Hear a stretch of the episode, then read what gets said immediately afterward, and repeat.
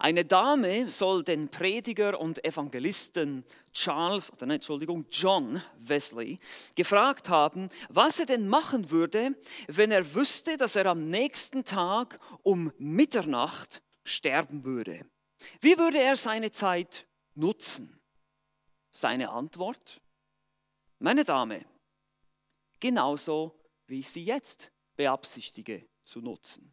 Ich würde heute Abend predigen, wie geplant, würde morgen um 5 Uhr ebenfalls predigen, wie geplant, dann würde ich, wie geplant, morgen Nachmittag in eine andere Stadt gehen und da predigen und abends dann noch einige Leute treffen.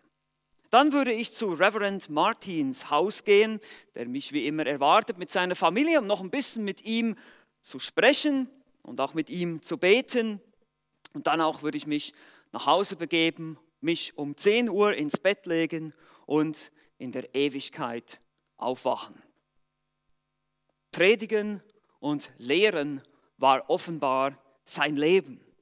Nichts würde ihn davon abbringen, darin treu zu sein.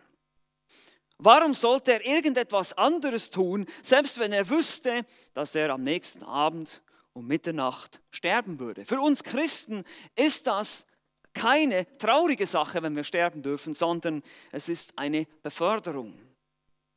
Wesley war offenbar auch wie viele andere Prediger überzeugt, dass Lehre wichtig ist, dass das Evangelium verkündigt werden soll, ja, dass es auch verteidigt werden muss. Und genauso spricht Paulus im Titusbrief den Titus an, im Titusbrief, er soll Älteste einsetzen, die genau das tun.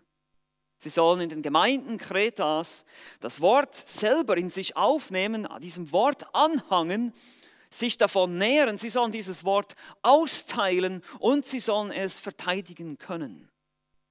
Genauso gibt Paulus dem Titus Anweisung, dass gesunde Lehre in diesen Gemeinden gepredigt werden soll damit diese Gemeinden selber auch gesund sein können und damit diese Gemeinden durch gute Werke ein evangelistisches Zeugnis auf einer Insel, damals Kreta hier, äh, aufrichten, eine Insel, die voller Partyleute war, offenbar mit voller Menschen, die nur nach ihrem eigenen Vergnügen und Lüsten lebten.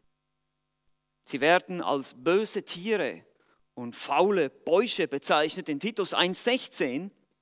Und es gab offenbar sehr viele von ihnen, viele Schwätzer, viele Betrüger, lesen wir, Irrlehrer, die falsche Ansichten über das Evangelium verkündigten. Und daher war es umso wichtiger, dass in den Gemeinden gesunde Lehre gepredigt würde.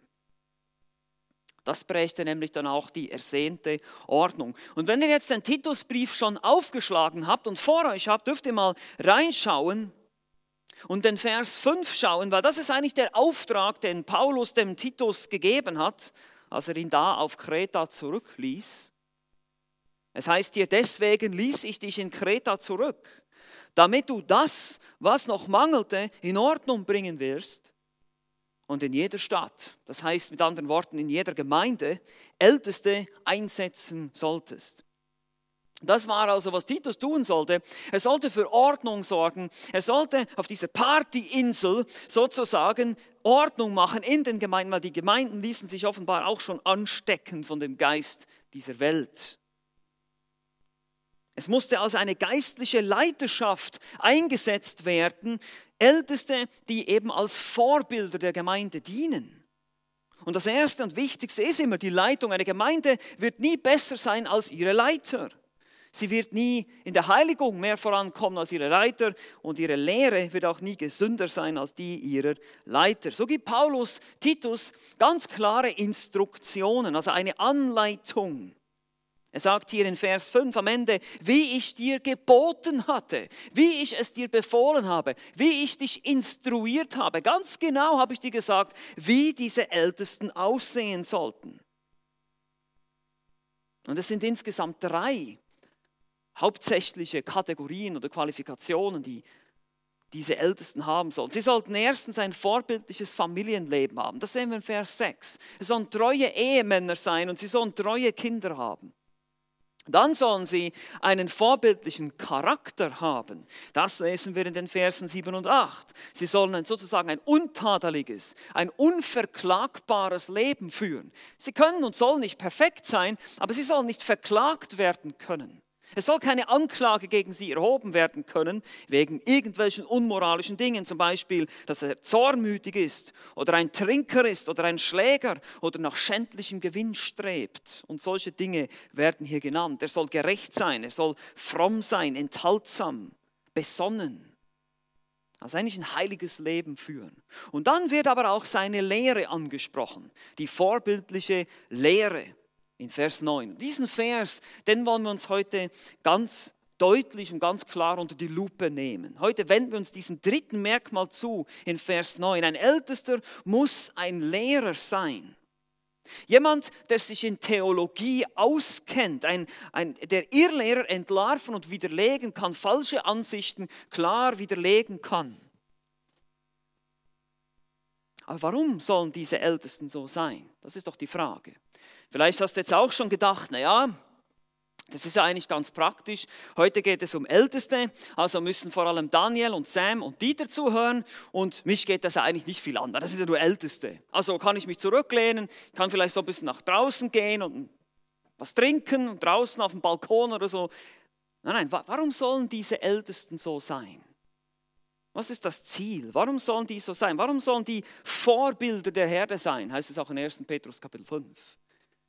Nun, es geht darum, dass du als Gemeindeglied aufgefordert bist, diesem vorbildlichen Wandel deiner Leiter zu folgen, ihn zu imitieren. So sagt Paulus zum Beispiel im 1. Korinther Kapitel 11, dass die, die Gemeinde ihn nachahmen soll, so wie er Christus nachahmt.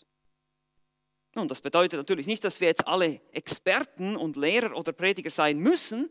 Es sollen ja nicht so viele Lehrer sein, heißt es in Jakobus 3. Aber wir haben doch die Aufgabe, jeder Christ hat die Aufgabe, ein guter Theologe zu sein, zu wachsen in seiner Bibelkenntnis und auch in der Art und Weise, wie er das Wort weitergibt.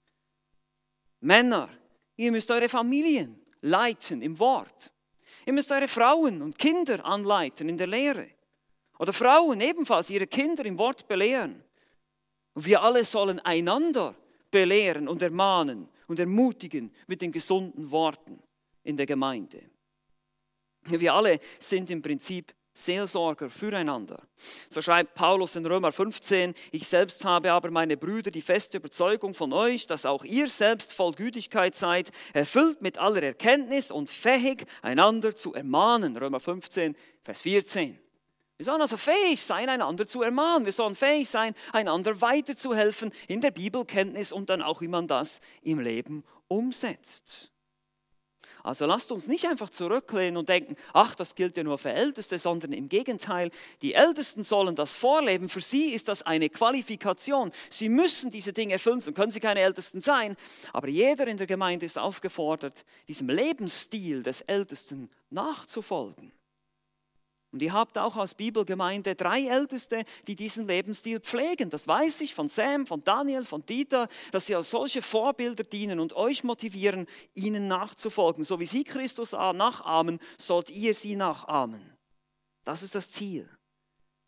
Und das Interessante beim Titusbrief ist, das soll dazu führen, dass die Gemeinde gute Werke tut. Wenn ihr den Titusbrief mal ganz durchlest, dann werdet ihr feststellen, dass diese gesunde Lehre immer wieder darauf abzielt, gute Werke zu produzieren in den Christen. Zum Beispiel in Kapitel 2, Vers 11 heißt es, denn die Gnade Gottes ist erschienen, heilbringend für alle Menschen und unterweist uns, damit wir die Gottlosigkeit und die weltlichen Begierden verleugnend, besonnen und gerecht und gottselig leben in dem jetzigen Zeitlauf. Und dann weiter unten heißt es dann, dass er sich selbst ein Volk zum Eigentum reinigt, das eifrig sei, gute Werke zu tun, in Vers 14. Also es ist interessant, es geht immer wieder darum, dass diese Leiter diese gesunde Lehre weitergeben, dieses Vorbild sind und dann die Gemeinde diese Dinge nachahmt, gute Werke tut und das ultimative Ziel ist Evangelisation. Es geht darum, dass die Gemeinden auf Kreta ein Zeugnis sind für die Welt. Das ist das Ziel. Also was brauchen wir, um effektiv zu evangelisieren? Und das beginnt mit der Leiterschaft. Es beginnt mit dem vorbildlichen Wandel, aber auch mit der vorbildlichen Lehre. eines Leiters. Und das wusste Paulus und er musste das dem Titus weitergeben und sagen, das ist der Grund. Hier will ich dich ermutigen, das zu tun. Wenn wir in Kapitel 1, Vers 1 lesen, sehen wir also zunächst, Paulus, Knecht Gottes, Apostel Jesu Christi, nach dem Glauben der Auserwählten Gottes, nach der Erkenntnis der Wahrheit, er erinnert Titus an die ganzen Wahrheiten des Evangeliums, an die gesunde Lehre. Und dann in Vers 5 kommt er genau dazu und sagt, und das ist dein Auftrag hier. Erstens setze mal Älteste ein. Und dann geht es dann weiter, im Kapitel 2 soll dann die, die ähm, Männer und die Frauen in der Gemeinde ermahnen, wie sie eben diese guten Werke tun sollen. Und so geht es dann weiter auch über die Sklaven oder über die Unterordnung unter den Staat. Es geht immer darum, hier diese guten Werke, die sollen ein Zeugnis sein für die Welt. Aber eine wichtige Voraussetzung ist, dass wir diese Ältesten haben, die das Wort lehren. Das ist wie die, wie der Grundmotor, das Grundtriebwerk für die Gemeinde, das Kraftwerk hier, das Wort Gottes, das verkündigt wird und treu gelehrt wird und eben auch dann ausgelebt wird. Und das wollen wir auch ein bisschen über, auf unser eigenes Leben übertragen, nicht nur eben als Älteste, sondern wie können wir einen solchen Lebensstil nachahmen, diese Eigenschaften dieses vorbildlichen Lehrers wollen wir betrachten und sie sollen uns motivieren. Wie gesagt, jeder Christ ein Theologe. Jeder Christ muss irgendwo in einem Lebensbereich fähig sein, das Wort weiterzugeben. In der Evangelisation, vielleicht in der Familie oder unter Freunden, wo auch immer. Oder eben auch in der Gemeinde am Dienst, im Dienst von Mensch zu Mensch, von Geschwister zu Geschwister. Also lasst uns den Text für heute anschauen. Ich möchte den gesamten Abschnitt lesen, hier ab Vers 5, einfach um des Zusammenhanges willen. Es heißt hier, deswegen ließ ich dich in Kreta zurück, damit du das, was noch mangelte, in Ordnung bringen und in jeder Stadt Älteste anstellen möchtest, wie ich dir geboten habe.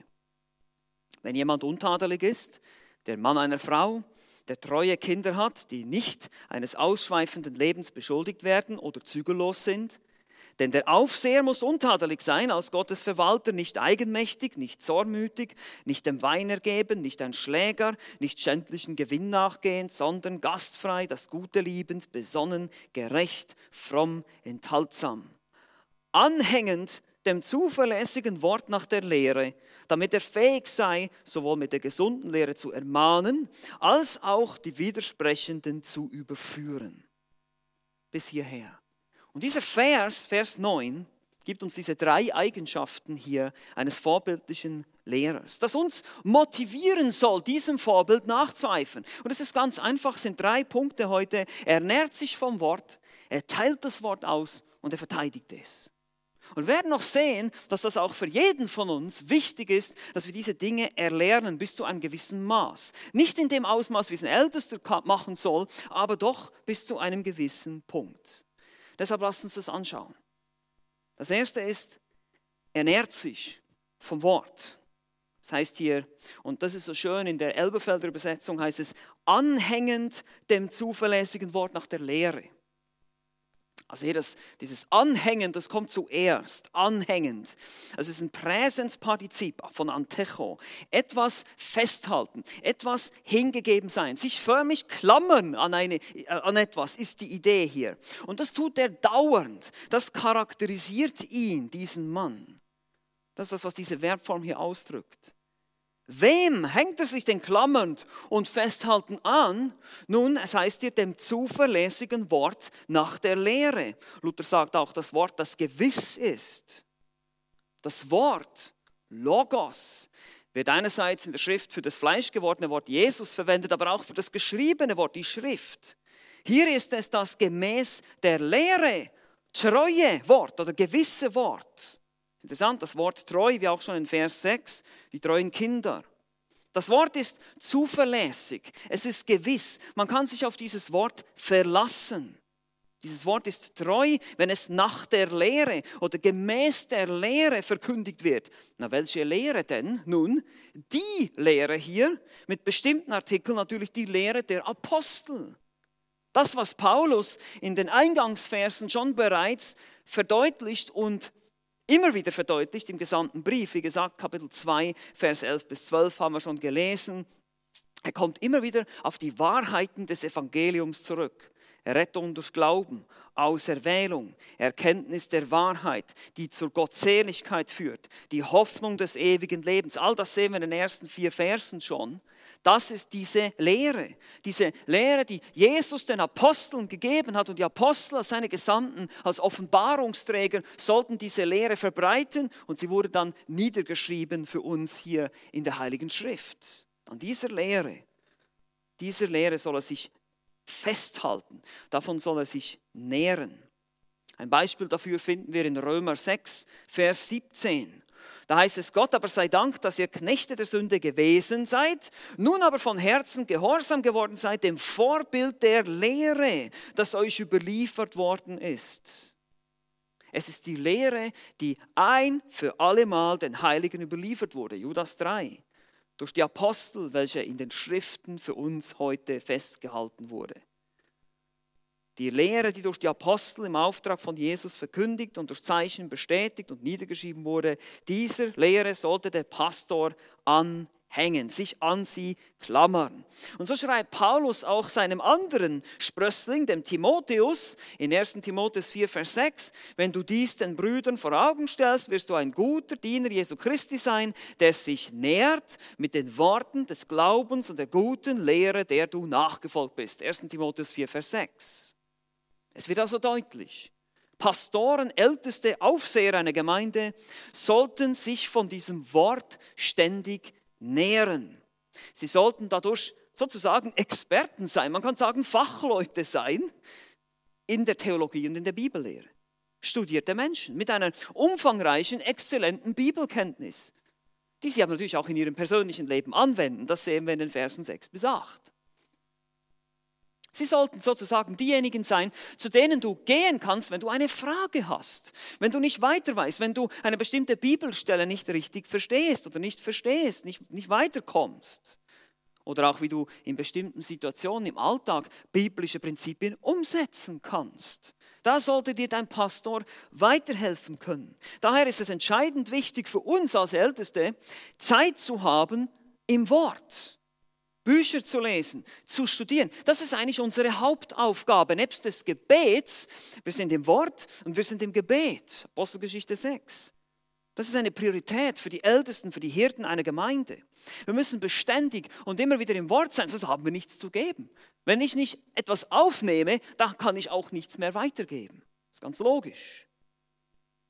Es ist nicht unsere Aufgabe als Älteste sozusagen den Laden zu schmeißen und eine One-Man-Show oder hier eine Three-Man-Show zu sein. Das ist nicht die Idee, alle möglichen Programme zu leiten, alles rumzurennen und ständig irgendwas zu organisieren. Das ist nicht die Aufgabe der Ältesten.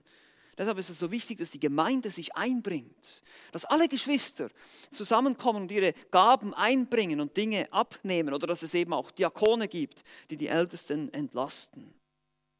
Klar, machen Älteste auch Hausbesuche, treffen sich zur Seelsorge oder machen auch administrative Aufgaben, aber wir als Hirten müssen immer wieder dafür kämpfen, Zeit im Wort zu haben. Das ist sehr, sehr wichtig für uns. Und sonst können wir euch am Sonntag keine Predigt präsentieren, wenn wir unter der Woche nie Zeit hatten, selber zu studieren. Nun, aber wie sieht es bei dir persönlich aus? Ich meine, du kannst ja sagen, okay, ich muss ja nicht predigen am Sonntagmorgen, ich habe nicht diese Aufgabe, aber ich habe trotzdem die Aufgabe, mich von diesen Worten, von diesen gesunden Worten zu nähren. Nahrung, geistliche Nahrung aufzunehmen. Diesen Lebensstil des Pastors, der sollte mich motivieren, genauso vom Wort zu leben. Und es ist ganz einfach zu illustrieren. Was passiert, wenn du nicht mehr isst? Und einige von uns sagen, ja, dann würde ich endlich mal abnehmen. Okay, das kann sein, aber wenn du lange, lange Zeit nichts mehr isst, dann irgendeinmal wirst du schwach und wirst du sterben. Und genauso ist es beim Bibellesen, bei der geistlichen Nahrung, bei der Aufnahme des Wortes Gottes. Wenn ich mich nicht immer wieder vom Wort nähere, werde ich geistlich schwach und geistlich einschlafen. Und deshalb ist es wichtig, kann man sagen, jeder Christ ein Bibelleser. Oh ja, ich weiß. Ich weiß, ich weiß. Vielleicht jetzt nicht während der Corona-Krise, aber der Alltag kann manchmal sehr stressig sein. Für einige ist es sogar stressiger geworden jetzt. Und dann kommen die Ausreden. Ich habe keine Zeit. Ich bin nicht so der Lesetyp. Ich habe Familie und Kinder und Beruf. Was denkst du denn, wo ich das noch reinpacken soll? Hier Bibel lesen. Oder ich kann mir Gelesenes schlecht merken. Meine Lieben, ich möchte uns hier einfach ermutigen. Zeit haben ist eine Frage der Priorität und der Disziplin. Ich muss mir die Zeit nehmen. Ein Lesetyp, es kann sein, dass du kein Lesetyp bist, das war ich auch nie, ich, bin, ich war nie ein Bücherwurm, aber man kann es werden. Familie, Kinder, Beruf. Nun, der Tag hat 24 Stunden und auf der Arbeit bist du acht bis neun Stunden. Die Kinder gehen ja vielleicht auch mal ins Bett und dann gibt es Zeit zum Fernseh gucken, Facebook checken oder eben Bibel lesen, je nachdem. Gelesenes merken. Nun, wenn du es oft genug liest, hm, kannst du dir das auch merken. Und es gibt Menschen unter uns, die ganz begabt sind, die haben ein fotografisches Gedächtnis, gesegnet mögen sie sein. Aber wenn du zu den normalen Menschen gehörst, so wie ich, dann kannst du dir nicht einfach etwas einmal lesen und merken. Und dann gibt es drei Dinge, die du tun kannst. Jetzt musst du ganz gut aufpassen. Erstens, wiederholen. Zweitens, wiederholen. Drittens, wiederholen. Was musst du tun? Genau, wiederholen. Du nimmst dir vielleicht den Epheserbrief oder hier den Titusbrief. Das sind nicht so viele Verse und du liest den einfach immer wieder durch. Du liest ihn durch und wieder. Morgens, mittags, abends, vielleicht mittags auf deinem Handy, dafür haben wir die Dinger ja. Und dann weißt doch du, was da drin steht. Dann nimmst du dir vielleicht den nächsten vor. Es heißt nicht, dass wir immer gleich so viel lesen, fünf Kapitel, sieben Kapitel am Tag, aber wir müssen irgendwie dieses Wort in unseren Kopf bringen, dass es uns begleitet, dass es unsere Gedanken prägt. Was immer du tust, was dir hilft, manche hören auch die Bibel, das kann auch helfen. Aber es muss irgendwie in uns rein. Deshalb, was für Pastoren gilt, gilt auch für dich in einem gewissen Sinne. Du musst kein Theologiestudium machen, aber im Wort sein, das ist unsere aller Aufgabe. Es ist wichtig zu verstehen, es nützt nichts. Es nützt nichts, wenn du am Sonntag, ich kann jetzt nicht sagen, hier aufkreuzt, aber im Livestream bist und dir eine Predigt anhörst und unter der Woche sieht dich deine Bibel nie. Am Sonntagmorgen sagt deine Bibel zu dir, hallo, haben wir uns lange nicht mehr gesehen, sieben Tage.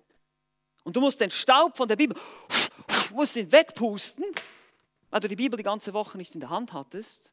Das bringt nichts. Wir müssen im Wort sein. Deshalb möchte ich euch einfach ermutigen, tut das. Vielleicht habt ihr einen Bibelleseplan, vielleicht, vielleicht habt ihr andere kreative Möglichkeiten, aber irgendwie müssen wir ins Wort hinein. Und wenn du nicht weißt wie, dann gibt es eben Anleitung. Das ist ja das Schöne. In der Gemeinde gibt es eben zu diesem Zweck Älteste, die dem zuverlässigen Wort der Lehre anhängen, die dich unterrichten, die dich zurüsten, die dir helfen, das Wort zu verstehen. Dafür sind sie da. Rufe sie an, frage sie.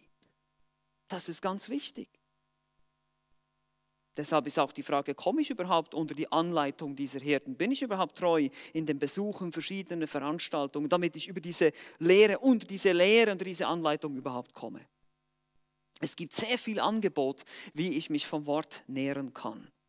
Also drei Eigenschaften eines vorbildlichen Lehrers sehen wir hier. Erstens, er nährt sich vom Wort und jetzt zweitens, er teilt das Wort aus. Wir lesen nochmal Titus 1, Vers 9. Hier heißt es anhängend dem zuverlässigen Wort nach der Lehre, damit er fähig sei, sowohl mit der gesunden Lehre zu ermahnen, und weiter lesen wir noch nicht.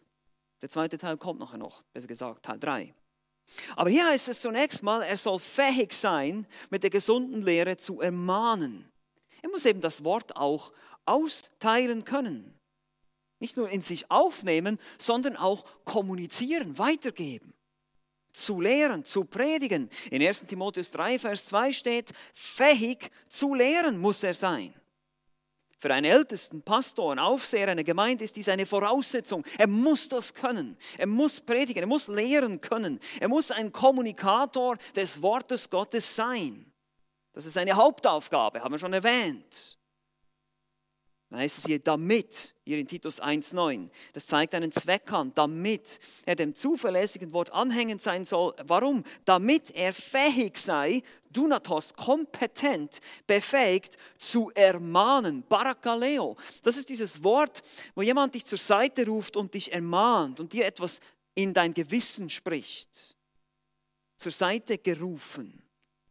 Und der Pastor soll das tun mittels der gesunden Lehre, sowohl mit der gesunden Lehre oder eigentlich wörtlich hier in der gesunden Lehre, also in der Sphäre der gesunden Lehre, im Bereich der gesunden Lehre ist die Idee. Er bewegt sich in dieser Sphäre der Theologie und mit, nimmt dich mit hinein und leitet dich an.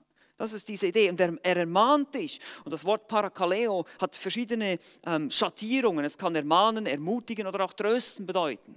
Aber hier ist es auf jeden Fall die Ermahnung in diesem Zusammenhang.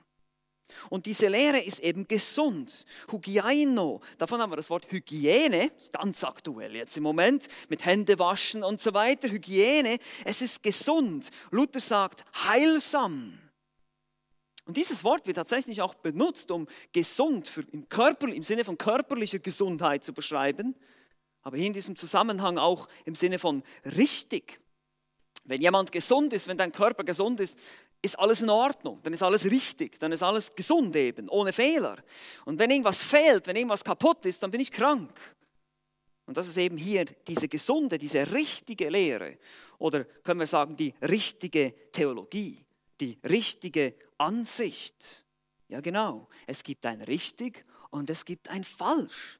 Und das muss man heute leider betonen, da wir in den Zeiten des, des, Postmodernismus und leider auch viele sogenannte Christen schon davon angesteckt sind zu denken, naja, über Theologie kann man streiten und alles kann man diskutieren und debattieren. Und meine Lieben, ich weiß, es gibt schwierige Bibelstellen und ich weiß, es gibt Themen, wo wir sicherlich demütig sein müssen und wo es verschiedene, gerechtfertigt verschiedene Positionen gibt in der Theologie. Aber hier sprechen wir von essentiellen Dingen, wo man dann einfach unter den Tisch schiebt, im Namen der Ökumene, im Namen der Toleranz. Ach ja, das ist ja nicht so schlimm, ob man die Sakramente jetzt so versteht oder so versteht, ob man jetzt noch ein bisschen zu Maria betet oder sonst irgendwas oder die Geistesgaben so auslebt oder so auslebt. Das sind alles Nebensächlichkeiten plötzlich.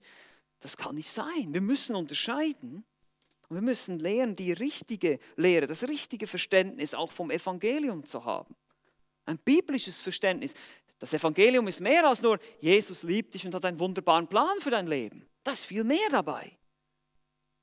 Und der Pastor, natürlich allen voran, muss in dieser richtigen Lehre Ermahnung, Erbauung und Lehre austeilen. Das ist seine Aufgabe.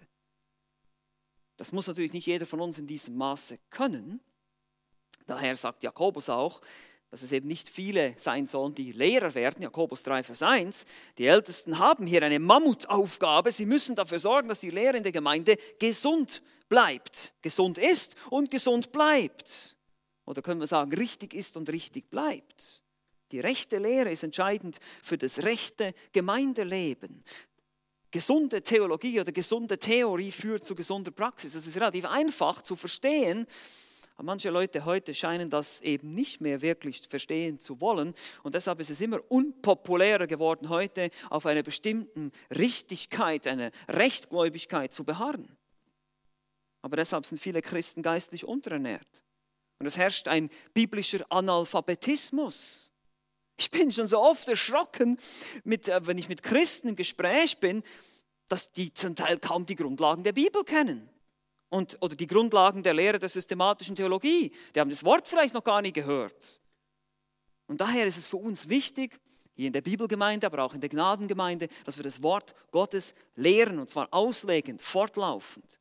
Wir gehen Vers für Vers durch die Schrift, damit wir keinen Gedanken verpassen, den der Heilige Geist überliefert und inspiriert hat. Das muss der Älteste tun, das ist die Aufgabe des Pastors. Aber wie sieht es bei dir aus? Wie sieht es bei uns aus, sozusagen alle, für alle Christen gesprochen? Alle Christen müssen auch das Wort austeilen in gewisser Hinsicht. Zum Beispiel in der Evangelisation. Hier ist die Frage, verstehst du das Evangelium gut genug, dass du es auch biblisch weitergeben kannst, dass du es auch kommunizieren kannst? Verstehst du, welche Elemente alle zum Evangelium gehören? Eben nicht nur, Jesus hat einen Plan für dein Leben, sondern auch vielleicht, was das Gesetz Gottes für eine Rolle spielt oder was der Unterschied zwischen Rechtfertigung und Heiligung ist.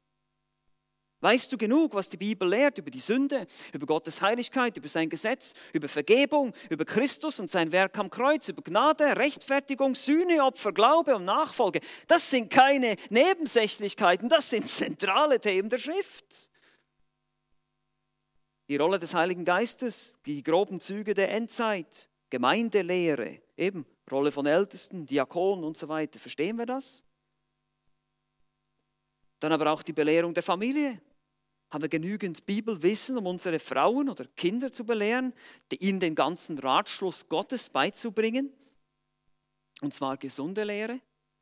Nicht nur irgendwelche schwammigen Ansichten, unsichere Vermutungen, eigene Deutungen, hohler Bauchexegese. Für mich bedeutet dieser Text das, Auslegung, nicht in einer solchen Art und Weise, sondern die richtige Sicht.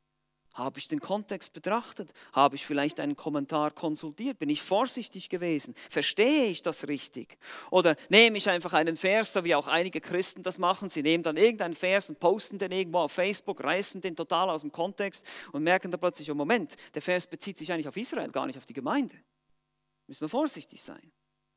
Dasselbe gilt auch für die Jüngerschaft in der Gemeinde, unter Christen, Neubekehrte. Ja, nehmen wir mal an, dein Nachbar kommt zum Glauben. Wie sieht es dann aus? Kannst du mit diesem Nachbarn die Grundlagen des Glaubens durchgehen? Kannst du ihn in den Grundlagen des Glaubens anleiten? Kannst du mit ihm vielleicht einen roten Fadenkurs machen oder einen Grundlagenkurs? Kannst du ihm erklären, dass das Buch Jona, was das für ein Hauptthema hat, worum es da geht? Oder das Buch Micha? Manche Christen denken vielleicht auch, wissen überhaupt nicht, wo diese Bücher sind. Ja? Eben, Habakuk hat nichts weder mit Haber noch mit Kuckuck zu tun und Obadja ist auch nicht finnisch für Obacht, sondern das sind Bibelbücher. Ja, weißt du das überhaupt? Und die suchen dann im Neuen Testament und dabei ist es im Alten und so weiter und so weiter. Kannst du fragen wie, warum ist die Bibel eigentlich wahr? Woher weiß ich das eigentlich? Darf ich als Christ ein Piercing haben? Ist Rauchen eine Sünde? Kann ich das richtig beantworten, biblisch? Also ich meine jetzt mit der Bibel in der Hand, mit, mit Versen belegen, kann ich das? Oder ist es einfach nur, man macht es halt nicht? Ja, als guter Christ macht man sowas nicht. Na, das ist aber für viele Jugendliche keine befriedigende Antwort. Muss man ein bisschen tiefer gehen können. Und so können wir lernen. Das heißt nicht, dass wir das jetzt alles wissen, dass wir auf alles eine Antwort haben müssen. Aber wir müssen uns selber herausfordern und sagen, hey, kann ich, kann ich meinen Nachbarn helfen, wenn sie Fragen haben über meinen Glauben? Kann ich meinen Kindern helfen, meiner Frau helfen? Oder muss ich dann eben Hilfe holen? Gehe ich wieder zum Pastor und frage, hey, wie siehst du das? Kannst du mir da weiterhelfen? Aber bin ich dabei, eben zu wachsen, nicht nur mich vom Wort zu nähren, sondern auch das Wort weiterzugeben? Nicht, vielleicht nicht in der Form, wie das Älteste tun, aber in einer Form, wie das eben alle Christen die Aufgaben haben, vor allem bei der Evangelisation und Mission.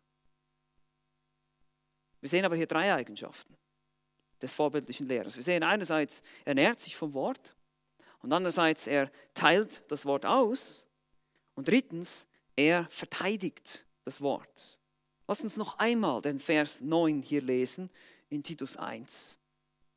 Hier heißt es, anhängend dem zuverlässigen Wort nach der Lehre, damit er fähig sei, sowohl mit der gesunden Lehre zu ermahnen, als auch die Widersprechenden zu überführen. Das ist der zweite Teil hier. Also wir haben das vorhin positiv gesehen, er soll fähig sein, mit der gesunden Lehre zu ermahnen, zu ermutigen, anzuleiten, eben zu predigen, aufzubauen. Und jetzt geht es hier um den Schutz er soll bereit sein und fähig sein, die Widersprechenden zu überführen, heißt es hier im Text. Die Widersprechenden, ein Partizip von antilego, dagegen sprechen. Eigentlich sich auflehnen, widersprechen, rebellisch sein. Das sind diejenigen, die sich gegen das zuverlässige Wort der Lehre wehren, dagegen rebellieren und ihre eigenen falschen Ansichten verbreiten. Das sind die, von denen es auch an anderer Stelle heißt, dass sie sich eben Lehrer suchen, nach denen die Ohren kitzeln. Dinge, die sich gut anhören, die angenehm sind. Und ich weiß, die Wahrheiten des Evangeliums, die sind nicht immer so, allgem, äh, so, so angenehm zum Hören. Ja, wenn, wenn das Wort gepredigt wird, dann werden wir herausgefordert. Da wird unser Gewissen wach. Da merke ich plötzlich, au, Backe, hier habe ich Dinge zu ändern in meinem Leben. Das ist nicht immer so einfach und so angenehm, wie wenn eben nur ständig positive Botschaften rüberkommen. Ja, und du bist so gut und du bist so toll und du bist so wunderbar. Sondern dass wir auch mal hören, ich bin ein Sünder und ich brauche Vergebung meiner Schuld.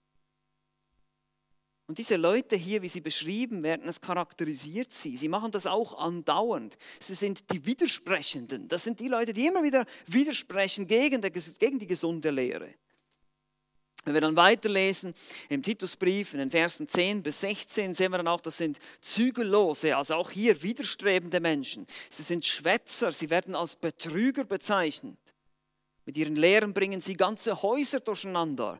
Man muss ihnen den Mund stopfen, heißt es dann in Vers 11. Also ziemlich radikale Maßnahmen, sagt Paulus hier. In Vers 12 werden sie dann, wie gesagt, Lügner, böse wilde Tiere und faule Bäuche genannt. Sie achten auf Fabeln und Gebote von Menschen, wahrscheinlich auch irgendwelche jüdischen Fabeln und Mythen, die sich da dazu mischten.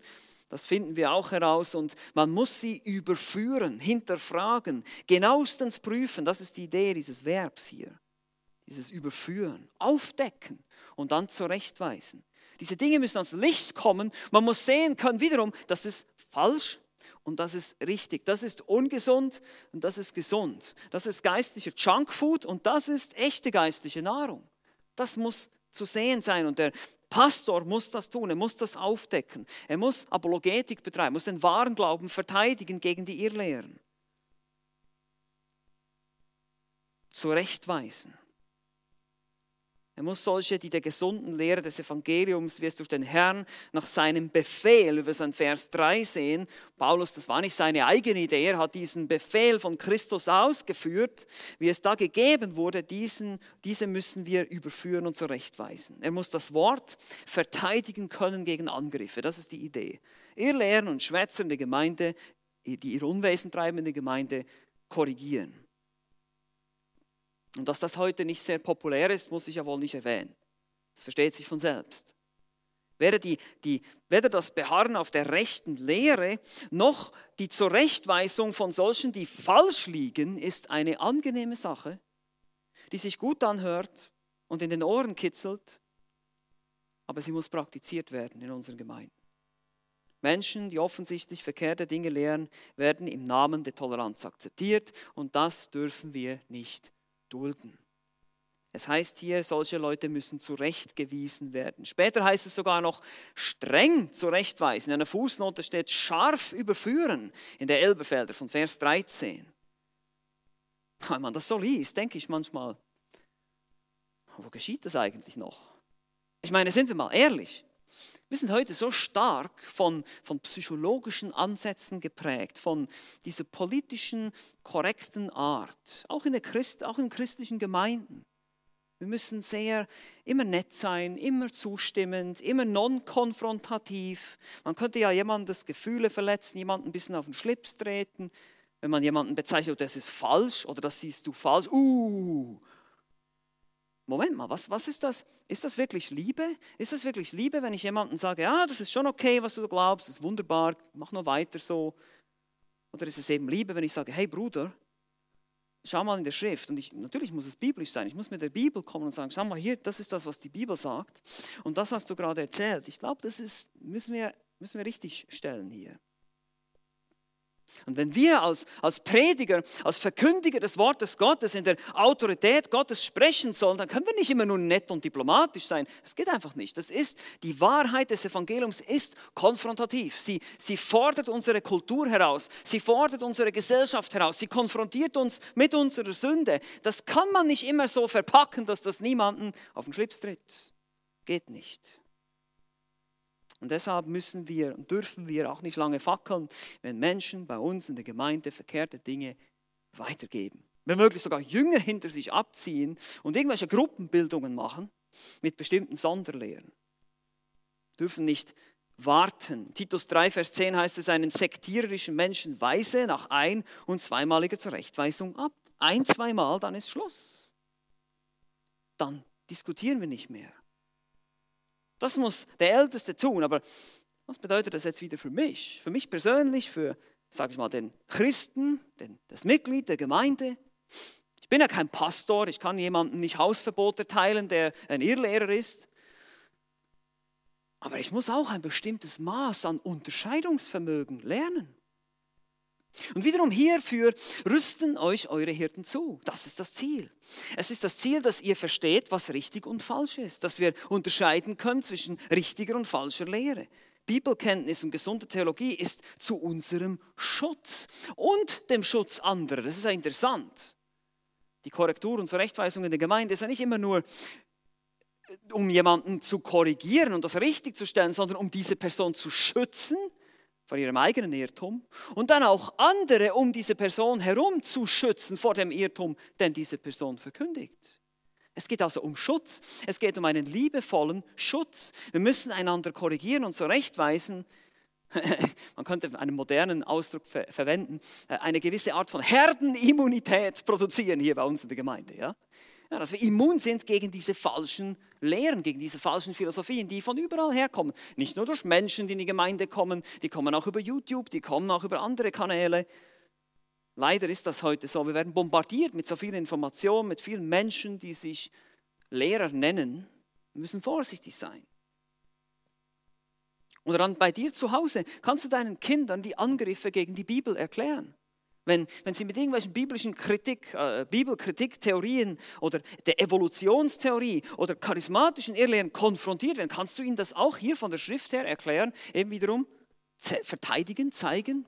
Schau mal hier, dieser Vers. Oder weißt du, die Bibel und so weiter, diese Dinge erklären. Wenn du das nicht kannst, wiederum, das ist nicht schlimm.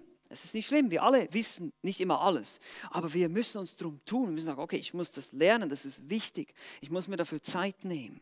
Es geht hier um eine Priorisierung. Und ich hoffe, du kannst es sehen. Es geht hier darum, dass du motiviert wirst. Nicht, dass ich sage, du musst jetzt schon ein fixfertiges Produkt sein. Du musst schon ein Theologieprofessor sein. Nein, das ist keiner von uns. Wir alle haben unsere blinden Flecken, Dinge, die wir nicht wissen. Aber ich muss motiviert sein zu sagen, ich muss diese Dinge lernen, weil das ist wichtig für den Schutz meiner Familie, für den Schutz der Gemeinde, für meinen persönlichen Schutz vor falschen Lehrern. Deshalb möchte ich uns einfach motivieren. Nähre dich vom Wort. Sei bereit, das Wort auszuteilen, egal ob es gehört werden will von den Menschen, von denen, zu denen du sprichst oder nicht. Und sei auch bereit, das Wort zu verteidigen gegen Angriffe. Wir sehen diesen Ältesten, er wird uns hier beschrieben, als ein Mann, der dem zuverlässigen Wort der Lehre anhängt, der fähig ist, es weiterzugeben und der ebenfalls auch dieses Wort verteidigt. Und diesem Vorbild sollen wir als Gemeinde nachstreben. Die Frage ist, lässt du dich da auch belehren? Bist du auch da, wenn das Wort Gottes verkündigt wird? Nimmst du Gelegenheiten wahr, um zu wachsen? Nimmst du dir auch mal ein Buch zur Hand über systematische Theologie oder sonst irgendeine Möglichkeit wahrnehmen, damit sich dein Leben verändert und du wachsen kannst in der Erkenntnis des Wortes? Genauso wie die Gemeinden auf Kreta sind auch wir in unserer heutigen Evangelisation nur dann effektiv. Natürlich, wenn wir das erstmal leben, aber wenn wir auch verstehen, was das Evangelium ist und es auch weitergeben können. Dass ich eben das Evangelium nicht in verkürzter Form weitergebe, sondern wirklich von Sünde spreche. Sag, schau mal, Mensch, der Mensch ist ein Sünder. Er hat Gottes Gebote gebrochen. Er hat gelogen und gestohlen, genauso wie du auch und wie wir alle auch. Wir sind alle verloren. Und die Strafe ist die ewige Hölle. Und deshalb ist Christus gekommen. Gott hat seinen Sohn gesandt in diese Welt und er ist am Kreuz gestorben für deine und meine Schuld. Es geht dir nicht darum, einfach nur dein Leben besser zu machen beim Evangelium, sondern es geht darum, dass du Christus erkennen kannst und dass du Vergebung deiner Sünde erfährst und errettet wirst von dem kommenden Gericht. Das ist das Evangelium. Und das Gesetz Gottes ist wichtig. Wir müssen das Gesetz Gottes verkündigen. Du musst den Menschen zeigen, schau mal, du bist ein Sünder. Du hast sicher schon mal gelogen, auch wenn es nur eine Notlüge ist. Du hast sicher schon mal was gestohlen, auch wenn es nur ein Bonbon aus einer Keksdose oder aus einer Dose war. Oder irgendwas, aber du bist auf jeden Fall ein Sünder. Du hast Gott nicht immer hundertprozentig die ganze Zeit geliebt, so wie du es solltest. Du bist ein Sünder und du brauchst Erlösung genauso wie ich auch. Es geht nicht nur darum, eine bessere Ehe zu haben oder meine Lebensprobleme zu lösen. Es geht um viel mehr beim Evangelium. Und so sollen wir fähig sein, diese Dinge weiterzugeben, wo immer das ist, wo immer du die Möglichkeit hast. Und ich möchte dich einfach ermutigen und motivieren, deine Bibel in die Hand zu nehmen und wieder neu anfangen zu lesen, wenn du es vielleicht ein bisschen, ein bisschen eingeschlafen ist oder wenn es ein bisschen ausgetrocknet wurde. Und wenn du Hilfe brauchst, dich an deine Ältesten zu wenden, die dir gerne dabei helfen. Lasst uns gesunde Lehre hören, verstehen und ausleben. Amen. Lasst uns noch gemeinsam beten. Vater im Himmel, ich danke dir äh, für deine Güte, dass du uns durch deinen Geist mit deinem Wort ausgestattet hast, dass wir die Schrift vor uns haben, das Wort Gottes, dass wir es lesen können heute, dass es ein vollkommener, vollständiger Kanon ist. Auch das hatten nicht alle Menschen zu allen Zeitaltern vor sich. Es ist ein wunderbares Vorrecht, ein wunderbares Privileg. Bitte hilf uns, dein Wort mehr zu lieben es wirklich in uns aufzunehmen und uns von deinem Wort beständig zu nähren und es dann auch auszuteilen, wenn wir gefragt werden, wenn wir herausgefordert sind in einer Situation, das Evangelium weiterzugeben. Gerade jetzt in dieser Krisenzeit, wo es so viele Menschen gibt, die Fragen haben, die, die offen sind, die Ängste haben, Panikzustände haben. Hilf uns da ein Hoffnungsträger zu sein und fähig zu sein, das Evangelium korrekt und biblisch weiterzugeben. Hilf uns auch bereit zu sein, das Evangelium zu verteidigen gegen falsche Lehren, die sich vielleicht in unsere Häuser, in unsere Familien, unsere Gemeinde oder eben auch in das Leben der Geschwister einschleichen, durch Bücher, durch Medien. Hilf uns auf der Hut zu sein, Herr, vor der Irrlehre und hilf uns an deinem klaren Wort zu bleiben. Wir beten in Jesu Namen. Amen.